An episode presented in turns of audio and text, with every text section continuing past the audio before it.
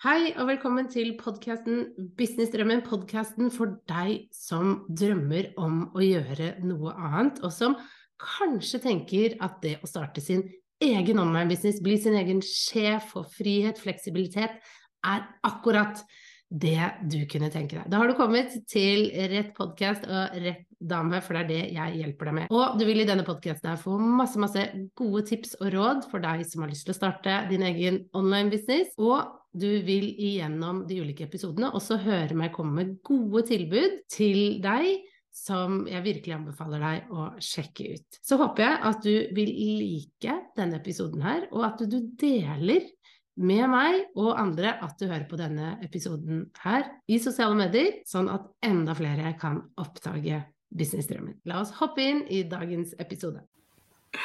Hei, hei, da er vi live, Kristine. Så utrolig hyggelig at du ville være med inn i sommerklubben eh, og dele hvordan du jobber. For eh, å være med. Ja, Eh, nå er det jo sånn at vi er jo i en måned hvor sommerklubben er ett år, og vi feirer. Og da syns jeg det er veldig gøy å intervjue en del av dere medlemmene. Eh, og du er jo en av de medlemmene jeg ble kanskje litt sånn tidlig kjent med. Vi hadde Vi, vi drev og melda litt, husker jeg. På ja, meldinger. Det var rundt julekalender, husker jeg. Ja, for du hadde julekalender, du, ja. Mm. Mm.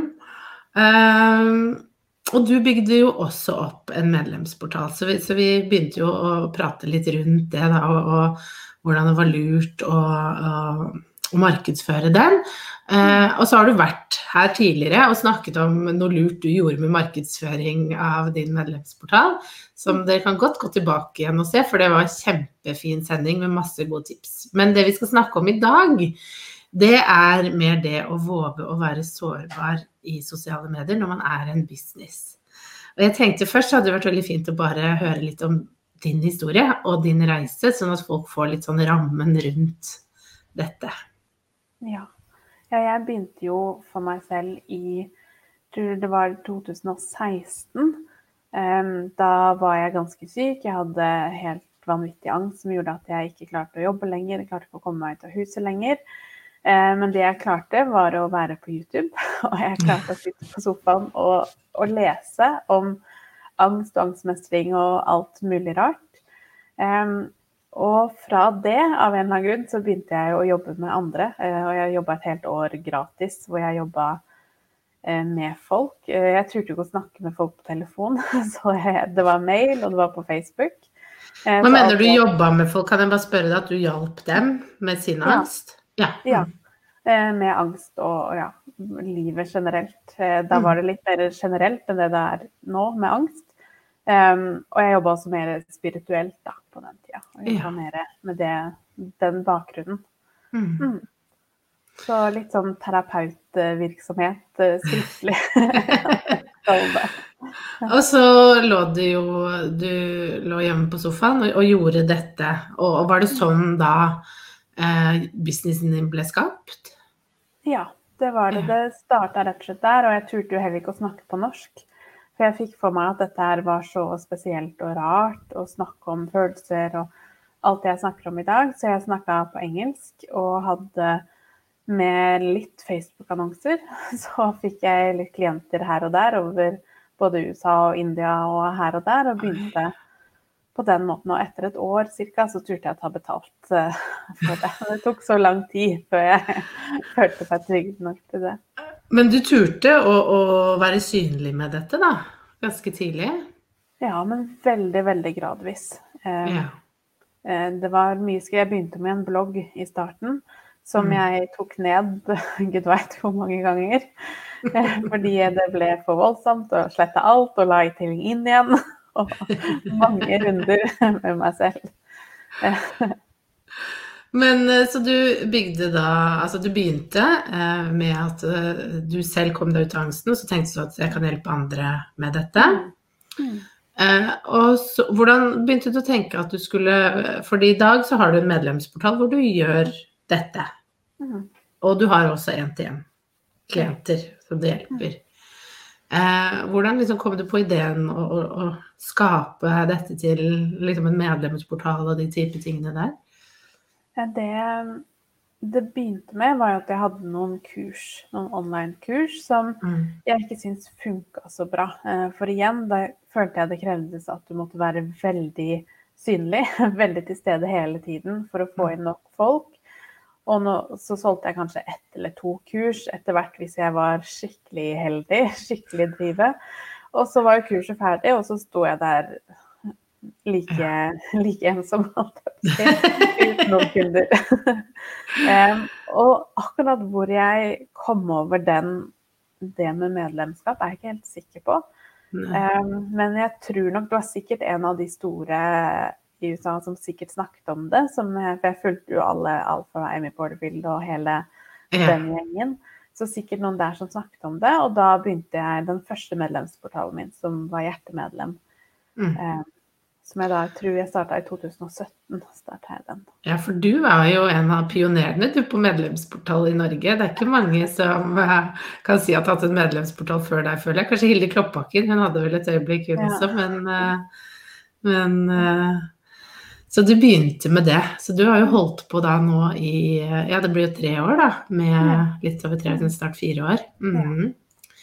Med medlemsportal. Eh, og hvem er det som er målgruppen din da? Eh, da eller nå?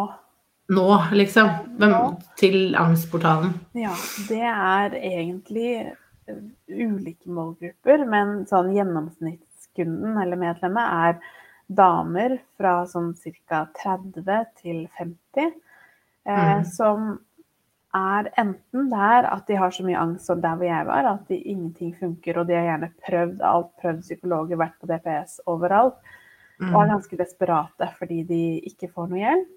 Eh, Mm. Men så er det også en annen ganske tydelig gruppe, og det er folk i serviceyrker. Så det er lærere, det er sykepleiere, Eh, fysioterapeuter, folk som er litt sånn typisk flinke, flinke piker.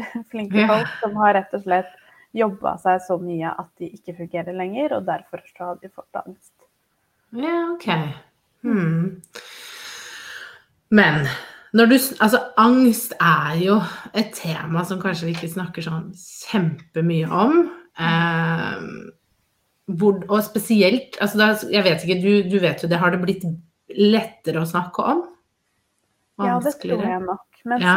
samtidig òg vanskeligere, fordi den angsten jeg snakker om, er jo kanskje annerledes enn den type angst som man ofte snakker om kanskje litt mer i hverdagstale, da. Ikke sant? At jeg fikk så angst, eller eh, et eller annet sånt. Eh, Men Mm. De jeg snakker med, er jo en sånn type angst som er fullstendig lammende, som ødelegger hele livet. Ja. Um, og det gjør nok ofte at de som er der, kan føle at man er enda mer utafor, og at det er enda vanskeligere da, å snakke om det. For ingen forstår. Ja, ja, ja. Men hvordan er det da for deg å, å snakke om angst ut i sosiale medier? Et tema som er litt tabu. Mm. Jeg opplever at det bare er positivt. Ja. Eh, For meg nå er det jo sånn at jeg har jo jobbet meg opp hit sånn redd det sånn å være synlig da, i ganske mange år. Eh, og ganske mange ganger trukket meg og sletting ting og kommet tilbake og blitt veldig vant med det. Eh, men jeg syns det bare er fint og tenker at det er, det er så viktig da, å bare være som man er, selv om for det er veldig lett å tenke at du er, har angst, og så er du frisk, og så er du lykkelig igjen. Men det er jo ikke sånn det er. Vi alle har jo ting som skjer, og livet, og ting går opp og ned. Og angsten vil også gå opp og ned, og den vil jo følge Mm. deg. Og at hvor viktig det er da, å bare få lov til å, å være ekte, rett og slett. Mm. Og klarte du det i begynnelsen, å, å være så sårbar og For når du skal gå i salg av det da, og ha kurs om det, så, så krever det jo egentlig at du tør å dele ganske åpent. Ja. Nei, i starten så var det nok mer det, den tekniske biten, hvis kan si det sånn, teoriene rundt det, som nok var mest i fokus. Eh, og så begynte jeg vel etter hvert å snakke mer og mer om meg selv. Og det er jo klart å, at jeg velger jo også ganske nøye hva jeg forteller. Det er jo ikke sånn at man Mm. forteller alt, men ting som har med kurs å gjøre eller ting som har med det som er viktig da, i det jeg snakker om. Mm. Um, og at man gjør det på en, en, god måte, sånn at andre kan både kjenne seg igjen, men også lære noe av det man selv har gått igjennom. Mm, mm. Men når skjønte du at du måtte skifte litt, da? Og gå fra litt mer sånn teknisk og over til å vise mer deg og din historie, og ja, være litt mer sårbar, rett og slett? Ja, det tror jeg nok har vært gradvis hele veien. Eh, men jeg hadde jo noen ganske voldsomme episoder i livet eh, hvor jeg bl.a. mistet eh, et barn midt i et svangerskap som på en måte rista opp ned på alt. Mm. Og etter jeg opplevde sånne ting, så fikk det meg til å se ting i veldig perspektiv. Da. Hva som hvor mye tid jeg brukte på å holde meg selv igjen. Ja. Fordi jeg var redd for noe som egentlig ikke er ekte, hvis det gir mm. mening. Mm. At når jeg opplevde den sorgen og den at livet på en måte stoppa opp da, på den måten, så betydde ikke den frykten så mye lenger. Mm. Um, og det er vel nå sånn ca. tre år siden. Og fra da og til nå så føler jeg det bare har gått fortere og fortere at det har blitt lettere og lettere, da. Mm. Men du har opplevd ganske tøffe ting. Da, du har mistet et barn, du har hatt uh, ekstrem angst. Du, du, du, lå jo på, på, sofaen, var det et år nesten, hvor du ikke, ja, hvor du ikke liksom gjorde noe annet enn å da se på YouTube og suge til deg lærdom, var det du på en måte klarte. Ja. Um, det, hvordan kommer man seg gjennom sånne ting og, og tenker at uh, dette må jeg dele med verden? Altså sånn er, altså, jeg deler jo sosiale medier, det er jo ingenting. Nei, jeg tenker jo at det, vi, det jeg opplever, grunnen til at jeg hadde angst, var jo fordi jeg ikke tok vare på meg selv, at det var mye ting i livet som jeg, som jeg burde tatt et oppgjør med for lenge siden. Mm. Eh, at det var barndommen min, f.eks., og dette med følelser og opplevelser som man egentlig ikke har tatt tak i. Og da blir det jo mer interessant enn skummelt og farlig å jobbe med det. Fordi mm. jeg ser verdien av angsten, og det vet jeg det er helt umulig å se det når man står oppi det, men sånn mm. i etterkant, da, å se verdien av de tunge tingene man opplever eh, mm. når man kommer på en måte trygt på den andre sida av det. Mm. Hva er det de som følger deg, kjøper av deg, hva er det de er det noe de sier at da du, da du sa det, eller da du når jeg så det, Er det noen sånne type ting de knagler på? Da skjønte jeg at jeg måtte jobbe med deg. Jeg tror nok det er hele historien at man ser at man ikke er alene. Mm. At man får en sånn kobling fordi man Og det tror jeg det er sånn er det om vi så har angst eller ikke angst. Vi mm. føler veldig ofte at sånn jeg har det, er bare sånn jeg har det. Og mm. alle andre, de har det så ryddig, og de er så lykkelige, og de har det så bra. Og, og de er så oppegående og så nydelig. Alle de har det. Mens jeg, jeg klarer knapt å fungere. Og sånn mm. tror jeg vi alle har det. Og da er det så godt å se og høre noen prate om det du selv føler, da. Og mm. hvor eh, fysisk og vanskelig angsten er på, på det nivået. Um, at mm. det ikke er deg det er noe gærent med. At det er sånn det er å ha angst når man har opplevd de tingene som de fleste av oss egentlig har opplevd. Mm, mm. Hva, har du opplevd å få noen negative tilbakemeldinger fra folk til når du snakker om dette temaet her? Nei, egentlig ikke på det. Um, det eneste negative tilbakemeldingen jeg har fått, for det har vært noe av det jeg har vært aller mest redd for. Ja, for når man er sårbar og deler en erfaring og en opplevelse, og spesielt som er så knyttet til deg som person, så er det jo det vi er mest redd for. Ikke sant? At noen skal mm. Men det tror jeg faktisk ikke jeg har opplevd. Det eneste handler om folk som har sett en annonse som ikke vet noe om meg, vet noe om min bakgrunn, verken faglig eller personlig, og som kom med ord som at dette er lureri, eller ja, ja. sånne type ting. Da. Og det tror jeg kanskje vi alle får, uansett mm. hvilket felt vi jobber med. Folk som mm. ikke helt ser greia. Eh, men det er ekstremt få i forhold til alle de som jeg har truffet. Mm. Eh, og det er kanskje en av de tingene som har overraska meg mest, kanskje. Fordi jeg liksom hele tiden rusta meg opp til å få høre så mye stygge ting. Altså, og det tror jeg også når man er ekte selv, og man er mm. sårbar selv, så tror jeg folk også ser det. Det merker man. Men det hadde jo vært lettere kanskje for deg å, å gjemme deg bak liksom Jeg hjelper deg med angst. Ta litt den der kliniske, faktabaserte eh, vi i dette firmaet. Men du velger jo å, å liksom vise deg. Eh, du er jo ansiktet utad, for det er jo du og mannen din som driver businessen mm. sammen. Men du er på en måte litt sånn ansiktet utad. Har det vært et bevisst valg? For du kunne jo kanskje gjemt deg bak en litt mer sånn kaldere variant, da, som man kan kalle det det. Ja, bevisst valg, og samtidig et sånt valg jeg ikke kanskje har følt jeg har hatt. Eller at det bare har vært mm. viktig at det var sånn. Og ja, ja, jeg tror det bare har vært eh, Hang det sammen at det er vik at du kanskje Jeg bare spør jeg, da, men mm. eh, at du selv kjente på at det jeg trengte var å se en person, og kanskje ikke et firma, når ja, jeg hadde det kjipt? Ja, eller når jeg hadde angst? Mm. mm. At det er viktig at de som hjelper deg, også vet uh, hvordan det er. At de selv fortsatt går i terapi, at de selv jobber med seg selv. Uh, at det er viktig. At de mm. hele tiden Å vise den utviklinga som man jo har, alle sammen. Mm. Mm. Men hvordan er det du finner nye kunder? Er det primært gjennom Facebook, Insta, YouTube? Hvor, hvor kommer de hen? Eh, der jeg har vært lengst, er jo Facebook. Instagram er fortsatt relativt nytt for meg. Eh, men det er jo Facebook-annonser, og det er jo på Instagram eh, også, for så vidt.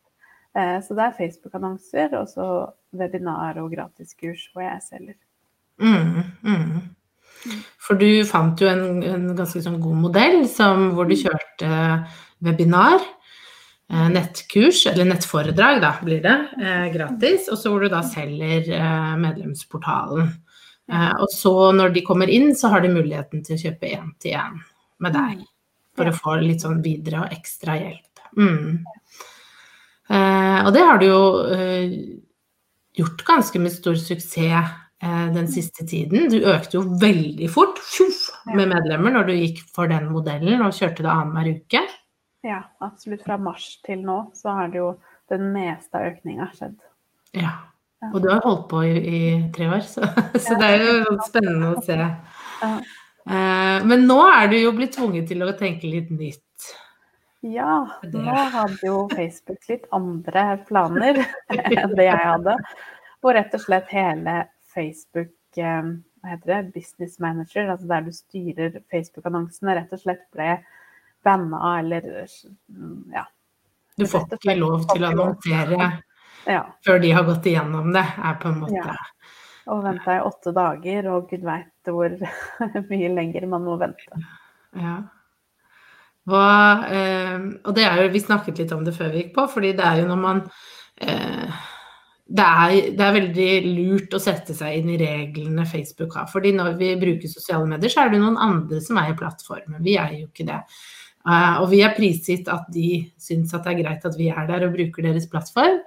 Uh, men de er opptatt av at eh, de som er på plattformen, skal ha det fint når de er der. Så de har en, en ganske sånn lang liste over ting du ikke har lov til å gjøre.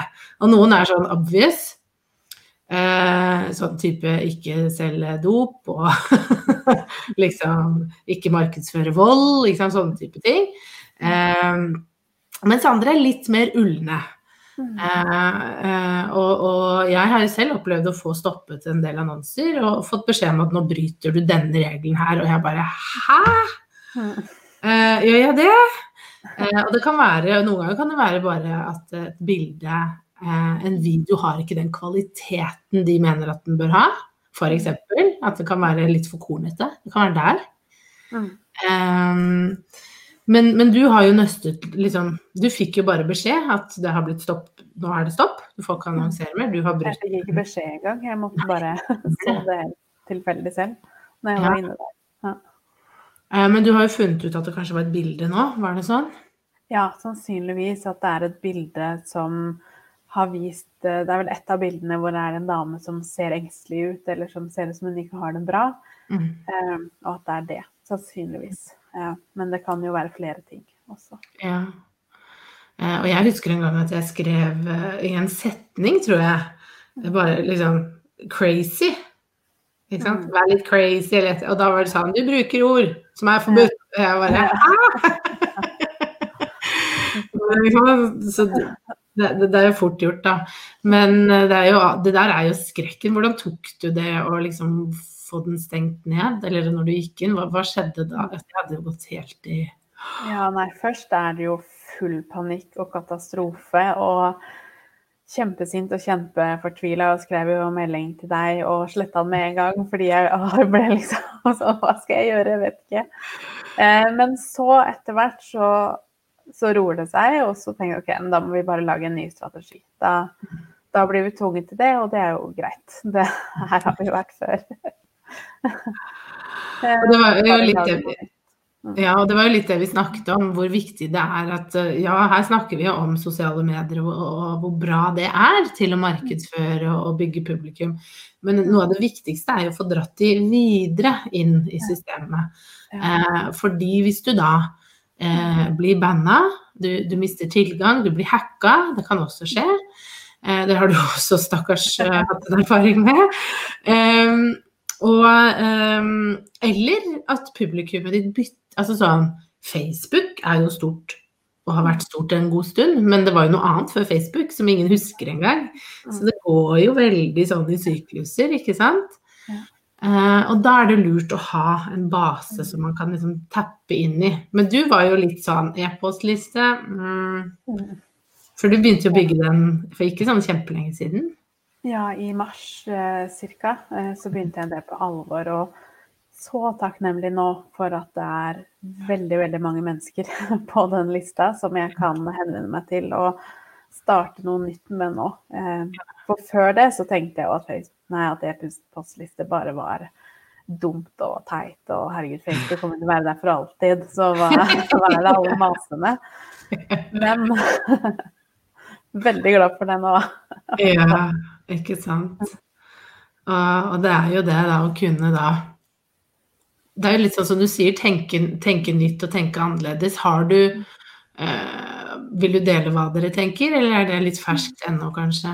Nei, vi har allerede begynt å, å invitere inn. Vi skal ha en sånn syvdagers eh, eh seminar eller syvdagers uke, hvor vi skal ha fokus på indre uro i en mm. Facebook-gruppe. En sånn gruppe som bare da eksisterer til vi er ferdig. Mm.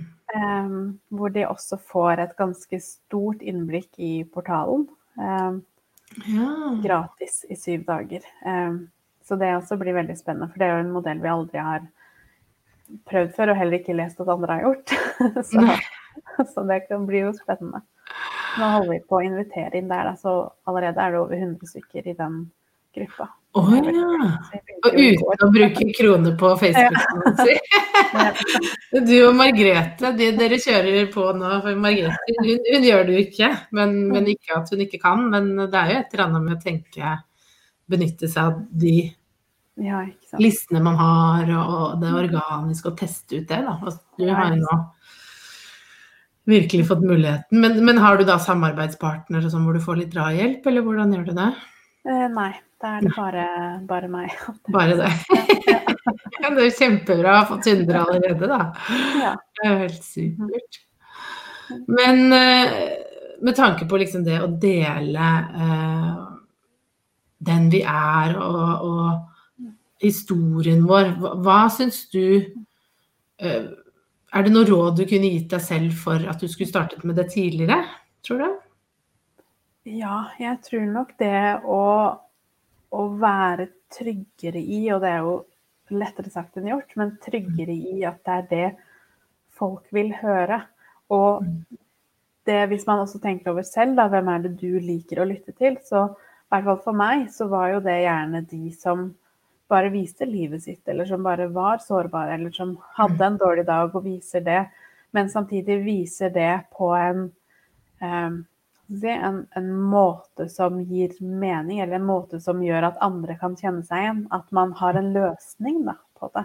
Mm. At nå føler jeg meg sånn, og da gjør jeg sånn og sånn for å, å møte den følelsen, eller å mm. vise det i, i real time, da. Hva mm. som egentlig foregår. Um, for du bruker det litt bevisst i, hvis du deler stories eller poster, at du bruker opplevelser ja. du selv kan ha den dagen? Mm. Mm. Ja. Og da velge ting som har en relevans, og som har eh, At jeg velger jo ikke hvis jeg står oppe i en situasjon der og da og jeg ikke har noen løsning, eller jeg vet ikke hvordan jeg skal takle det, eh, så er det ikke alltid jeg deler det. Eh, men mm. kanskje i ettertid, når jeg vet at da gjorde jeg sånn, eller at jeg roa meg ned, og så fant jeg ut av sånn og sånn, mm. så blir det mer en lærdom av det. Eh, og at det blir mer en eh, At det ligger en, en grunn for det, da, å dele det. Mm. Men hvorfor tror du det er viktig at vi tør å være sårbare i sosiale medier og som business? Fordi jeg tror vi alle egentlig søker etter noen å connecte med. Mm. Fordi vi er så koblet av hverandre. Så vi føler oss alle dårlige, dårlige mennesker som ikke mestrer, som ikke får til. Mm. Eh, og etter jeg ble mamma òg, kjenner jeg på hvor eh, lite man strekker til eh, 24 mm. timer i døgnet. Og hvor ensom man føler seg i det. Mm. Og da trenger vi virkelig noen som setter ord på det, da. På hvordan, hva som, at det er normalt at det ikke er normalt at ting er skinnende rent, eller at man er på topp av verden hele tida. Det er det jo ingen som er. For det er jo litt sånn den bloggeverdenen har vært, og sosiale medier. Den har jo vært veldig sånn. Det skal være billedskjønne filmer og, og, eh, og videoer og bilder, ikke sant. Og alle disse toppbloggerne hvor det er så fantastisk, alt er så strigla og sånn. Nå har jo du vært med en stund. Har du sett en sånn utvikling? Eh, for jeg ser veldig en tydelig utvikling, men ser du også? Ja, absolutt. Absolutt. Og du ser jo Jeg er jo eh, kanskje for gammel, men begynt å bruke TikTok også. Begynte å legge ut. Men og der også ser man jeg også det hvem jeg velger å se på, er jo gjerne de som er på min alder, ikke sant. Og de er mammaer, og de er slitne, mm. og de kommer seg sånn halvveis gjennom hverdagen, og de er helt ekte. og det er oppvask på benken, og det er litt sånn godt da, å se at man ikke er alene. Mm. Eh, og jeg tror det er det vi trenger. å og at historien generelt bærer jo preg av at følelser er noe vi absolutt ikke skal snakke om. Mm. Eh, vi skal helst gå videre. Vi skal helst ikke grave oss ned i det, som vi liker å si. Og at ting skal bare forsvinne av seg selv. Eh, men mm. det er jo ikke virkeligheten for noen av oss. Nei, og vi snakket kort om vi gikk på, men liksom, foreldregenerasjonen, til, i hvert fall min da, foreldregenerasjon, de snakker, snakket ikke så mye om følelser eller hvordan de hadde det. og Mange av mine venner sier de aldri sett foreldrene sine gråte. Mm. Eh, og, og, og, det tenker jeg jo veldig på overfor mine egne barn, at det er veldig viktig for meg å vise følelser. Selvfølgelig eh, ikke eh, ta helt av, men, men, at jeg kan vise at mamma blir lei seg. Mamma har en bra dag. Mm. Eh, og, og i, i, dag er mamma irritert pga. ikke sant, å vise at det er OK med følelser. Eh, mm. for det er en del av livet. Eh, og, og, da tenker jeg jo også at det er viktig å vise eh, at, man, at, det går litt opp og ned her i livet også i sosiale medier, da.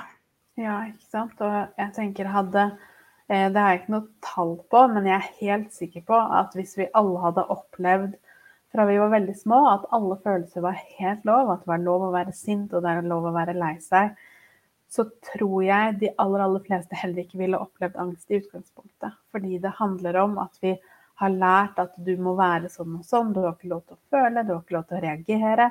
Mm. Eh, du skal være flink, og så skal du stå på. Det er det som betyr noe, det er derfor du er viktig, ikke noe annet. Um, og det å kunne snakke om det høyt det er jo så, som voksen òg, så godt å se at andre mm. speiler akkurat det. da. At du får lov mm. til å ha en dårlig dag uten at det betyr noen ting. Ja, ja, ja. Det, det er bare et øyeblikk, liksom. som alt annet. Nei, men er, eh, du er så inspirerende, Kristine. Jeg syns alltid det er så hyggelig å snakke med deg, fordi du er så reflektert. og Uh, og jeg syns det er så Den jobben du gjør da, med alle de du har, uh, har hjulpet og hjelper, uh, som sliter med det samme eh, som det du har gått igjennom. Det syns jeg er så inspirerende. Det er så fint at du tør også å, å, å, være ærlig om det i sosiale medier. For jeg tror ikke det er så veldig mange andre som tør å snakke så høyt om disse tingene. Ja, det kan nok være. Ja, og, og, du har jo den siste tiden så har du jo også blitt intervjuet av ulike magasiner for det her. ikke sant? KK eh, Hvilket annet magasin var det? Psykisk helse? Intervjuet ja, deg også. Og Tara. Mm. Eh, og det må vi jo dele, for det kommer jo på bakgrunn av en Facebook-annonse. Ja, det gjorde det. Ja. De, og fulgt meg, i hvert fall to av de hadde da kommet på en Facebook-annonse, og så fulgt meg en stund. og fulgt med på både vært på webinar og sett på ting jeg har gjort. Og mm. kommer jo da fra den synligheten. Ja. Mm. Og det og da eh, Jeg tenker det er så viktig det å liksom tørre å være deg, tørre å være ekte, tørre å dele mm. eh, det du har gått igjennom og hvordan du gjør ting, eh, er jo den måten du nå connecter med dine kunder, men også som gjør at du blir oppdaget da, av media og sånne type ting. Da. Det er en kombinasjon det her. Så det er en det er jo en grunn til at uh, også jeg er veldig opptatt av at man skal være litt ekte og ærlig um, i sosiale medier. Men du skal selvfølgelig være også strategisk. Vi snakker jo om det. Du bestemmer jo hva du vil dele og hva du er komfortabel med. Uh, og så skal man jo alltid lede med hjertet og, og og, og, ikke snakke stygt om folk og sånne type ting. Det tror jeg ikke noe på. Eh, selv om du har en drittdag og bilmekanikeren er en dust. Så er ikke det kanskje. Selv om det er veldig fristende. Veldig fristende. men skal vi se. Eh, nå har vi fått noen kommentarer, skal vi ta de? Så kloke ord. Jeg er så enig med deg. Det står Facebook-huset, jeg vet ikke helt. Men eh, Absolutt. Og takk for at du deler. Du viser oss så fint nettopp det du, det du forteller om verdien i å være ærlig til stede og genuin connection. Utropstegn. Så bra. Er helt, eh, helt eh, enig i det. Og jeg blir alltid så imponert og inspirert av at du tør å dele din historie, fordi eh, jeg har jo delt Jeg var med i en julekalender du hadde i fjor, ja. Mm. og, og delte jo det med at jeg selv prøvde å passe veldig inn i en boks og skulle være som alle andre. Og at det tok mange år før jeg turte liksom Nei, nå skal jeg bare være meg og eie det. Og, og også tørre å gjøre det i sosiale medier. ikke sant? Gjorde sånn som alle andre gjorde det. Tenkte jeg at de gjør det sånn, da må jeg gjøre det sånn. Men det var jo når jeg turte å, å bare være Guri, ja. eh, og, og, og bli, bruke tid på å ta tester, personlighetstester, bli kjent med meg selv, og så dele Eh, hvordan jeg tenker og, og, min filosofi, og være åpen og ærlig med at ikke alt er liksom, det er ikke alt eh, jeg syns det er like greit å gjøre, at jeg var redd for å gå live. Ikke sant? Disse typer tingene. Det var jo da noe skjedde hos meg også. Ja, ja ikke sant. Og jeg ser det for hvert nivå på en måte av ærlighet og åpenhet som jeg tar. Som, for det er jo hele tiden en sånn trappetrinn gjennom hele ja, ja. historien så skjer det jo også noe nytt. Og det er jo det som også skjedde i mars, at jeg var enda mer ærlig og enda mer meg selv, kanskje mm. egentlig. Og ikke, litt mindre pedagog og litt mer meg selv. Så skjer det jo ting. For jeg tror vi, vi, kjenner det rent intuitivt, at du snakker med et ekte menneske. Og det ja. trenger vi. Ja, og så, og så, tror jeg Vi merker jo selv når vi bare skrur på en bryter og, og går inn i en sånn maskin, maskinmodus. Ja. Enn når vi går inn med 'nå skal jeg dele noe som er eh, ekte og ærlig'. Ja, Har du noen siste eh, ord og tanker til de som nå For vi har en del inne i klubben som jobber med tunge temaer. Mm. De er terapeuter, de jobber med eh, folk i krise og skal bygge seg opp det. Mm. Er det liksom noe du tenker at uh, du ville sagt til de nå som de skal begynne å bygge? Ja, én ting er jo å våge å ta ting gradvis. At det er jo ikke gjort over natta at man klarer å f.eks. være åpen om egne kriser eller egne ting som er vondt og vanskelig, men at man kan lette litt og litt og på en måte skyve grensene litt og litt foran seg. Og mm. til slutt så for nå husker jeg jo nesten ikke hvordan det var å synes at angst var et vanskelig tema å snakke om. Fordi. De grensene blir så skjøvet på at plutselig så er det helt dagligdags og helt normalt å snakke om ting som er vondt og vanskelig. Mm. Um, og minne seg selv på hvor viktig det er å være sårbar, og kanskje legge fra seg litt den tanken om at man som terapeut eller coach eller um, som en eller annen veileder skal være så ordentlig og så Mm. på plass. Um. Og jeg pleier å si til folk, hvis folk lurer på hvordan skal jeg velge en terapeut, så det viktigste er å velge noen som går i terapi selv, pleier jeg å si da. Fordi Ja. det viser så mye om de, da. At man hele tiden er i utvikling, at man er sårbar, at man lærer seg selv å kjenne. Og da kan man også hjelpe andre, uansett hvor, hvor på liksom eh, reisa man er. Mm. Eh, ja. Ja, det er et godt poeng, faktisk. Eh, absolutt. Nei, men uh, tusen takk for uh, hva en som skrev her. Kloke og reflekterte tanker. Ditt tilbud trengs virkelig. Det Ja. er det absolutt. Og det, og det er det her som er veldig gøy uh, med et sånt fellesskap. Det er jo å se alle mulighetene som ligger i det vi jobber med. At det er eh, mulig å ta en erfaring, kunnskap man har, eh, utdannelsen, og så lage en business da, som man syns er spennende og gøy. Og jeg vet jo at du syns jo den, den jobben du gjør, den brenner du jo virkelig for. Eh, og sånn som du, du sa vel en gang til meg, da, jeg kunne aldri gått tilbake til en gammel jobb. Nei, det er ikke godt. Så det er noe med det også. Nei, men Kristine, tusen, tusen takk. Ha det!